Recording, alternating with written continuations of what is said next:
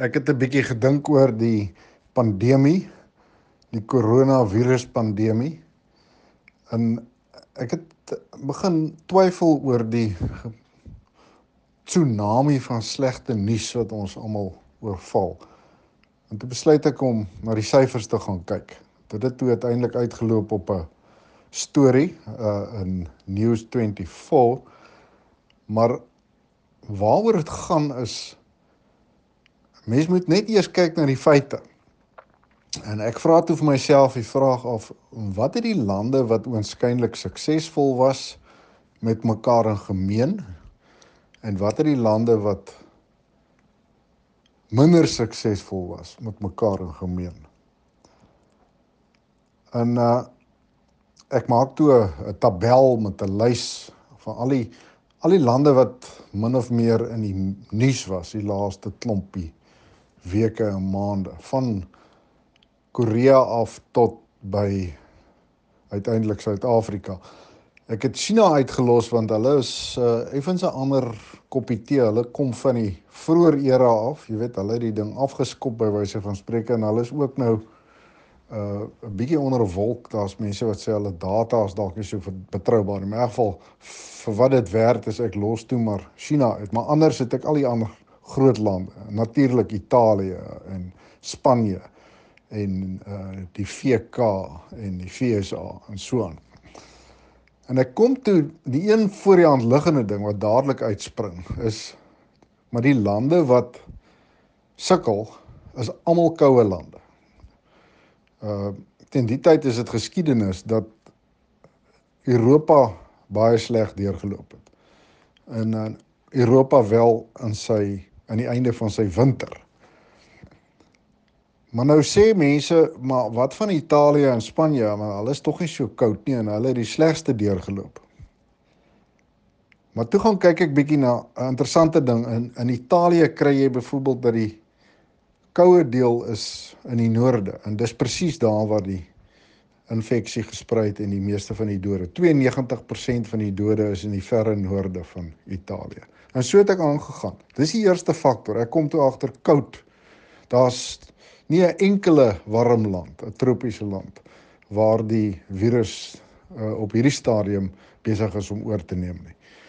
Dan die tweede faktor wat ek na gekyk het, wat 'n redelike voor die hand liggende ding is, is is toerisme. En weer eens, Italië, Spanje is soos ons almal weet, groot toerisme lande. Die derde ding wat ek toe nou gaan kyk na is, want ek is toe nou nog ontevrede en ek kom agter maar hier is 'n paar lande wat glad nie verduidelik kan word nie. Hulle is koue lande en hulle het groot of relatief groot toerisme, soos byvoorbeeld Rusland, soos byvoorbeeld Japan, wat om een of ander rede glad nie 'n uh, groot groei getoon het van uh sê nou maar Januarie af nie.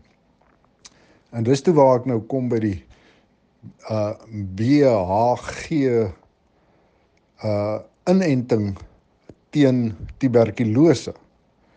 En dis 'n inentingsstof wat ons ken. Hy kom ironies genoeg kom hy uit Rusland uit en hy's hier in die 20er jare ontwikkel en dis 'n baie effektiewe uh inentingsstof. Wel, nie nie 100% immuniteit nie. Daar is sekere tipes uh tuberkulose wat ontsnap wat wat verby die inentstof kom.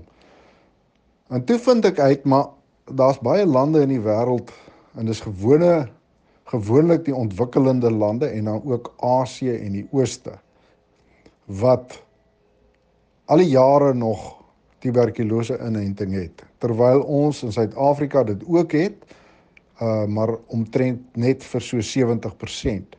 En daar's nou 'n studie wat uh aantoon dat daar 'n korrelasie is tussen tuberkulose inenting en weerstand teen die koronavirus.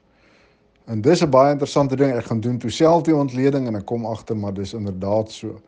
Die die lande wat sleg deurgeloop het onder die virus infeksie wat versprei het, is almal Europa. Europa het lankal nie meer tuberkulose inenting nie. En interessant genoeg Italië het in sy lewe nog nooit dit gehad nie. So die ding het ek toe nou bygevoeg en ek vat toe hele lot en gooi dit in 'n pot En ek vind maar Suid-Afrika het inderdaad 'n baie goeie uh rekord wat betref uh tuberkulose inenting. Nie 'n 100% rekord nie.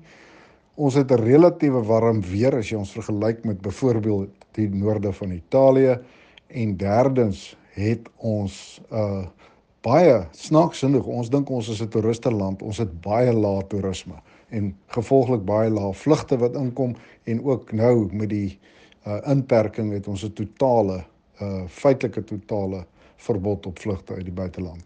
So as ek nou al die goed bymekaar gooi, toe sê ek vir myself, maar ons het 'n redelike goeie kans.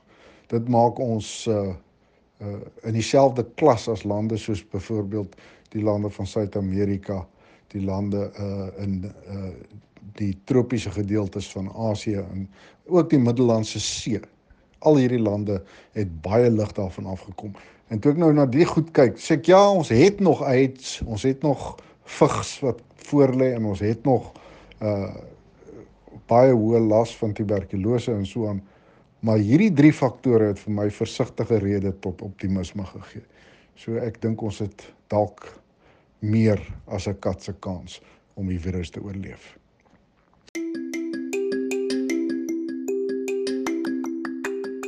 Jy luister na Nuuspot, die tuiste vir Afrikaanse stories agter die nuus. In die advertensie gleef. Emma se somer is 'n liefdesroman deur Tosca de Villiers. Die boek vertel die storie van Emma wat verlief raak op die aantreklike Italiaaner Roberto en dan vermoed hy is oneerlik met sy besigheid se finansies. Is sy reg of maak sy 'n fout? Vind uit deur tot einde Mei die boek gratis op Kindle Unlimited te lees. Terug na ons program.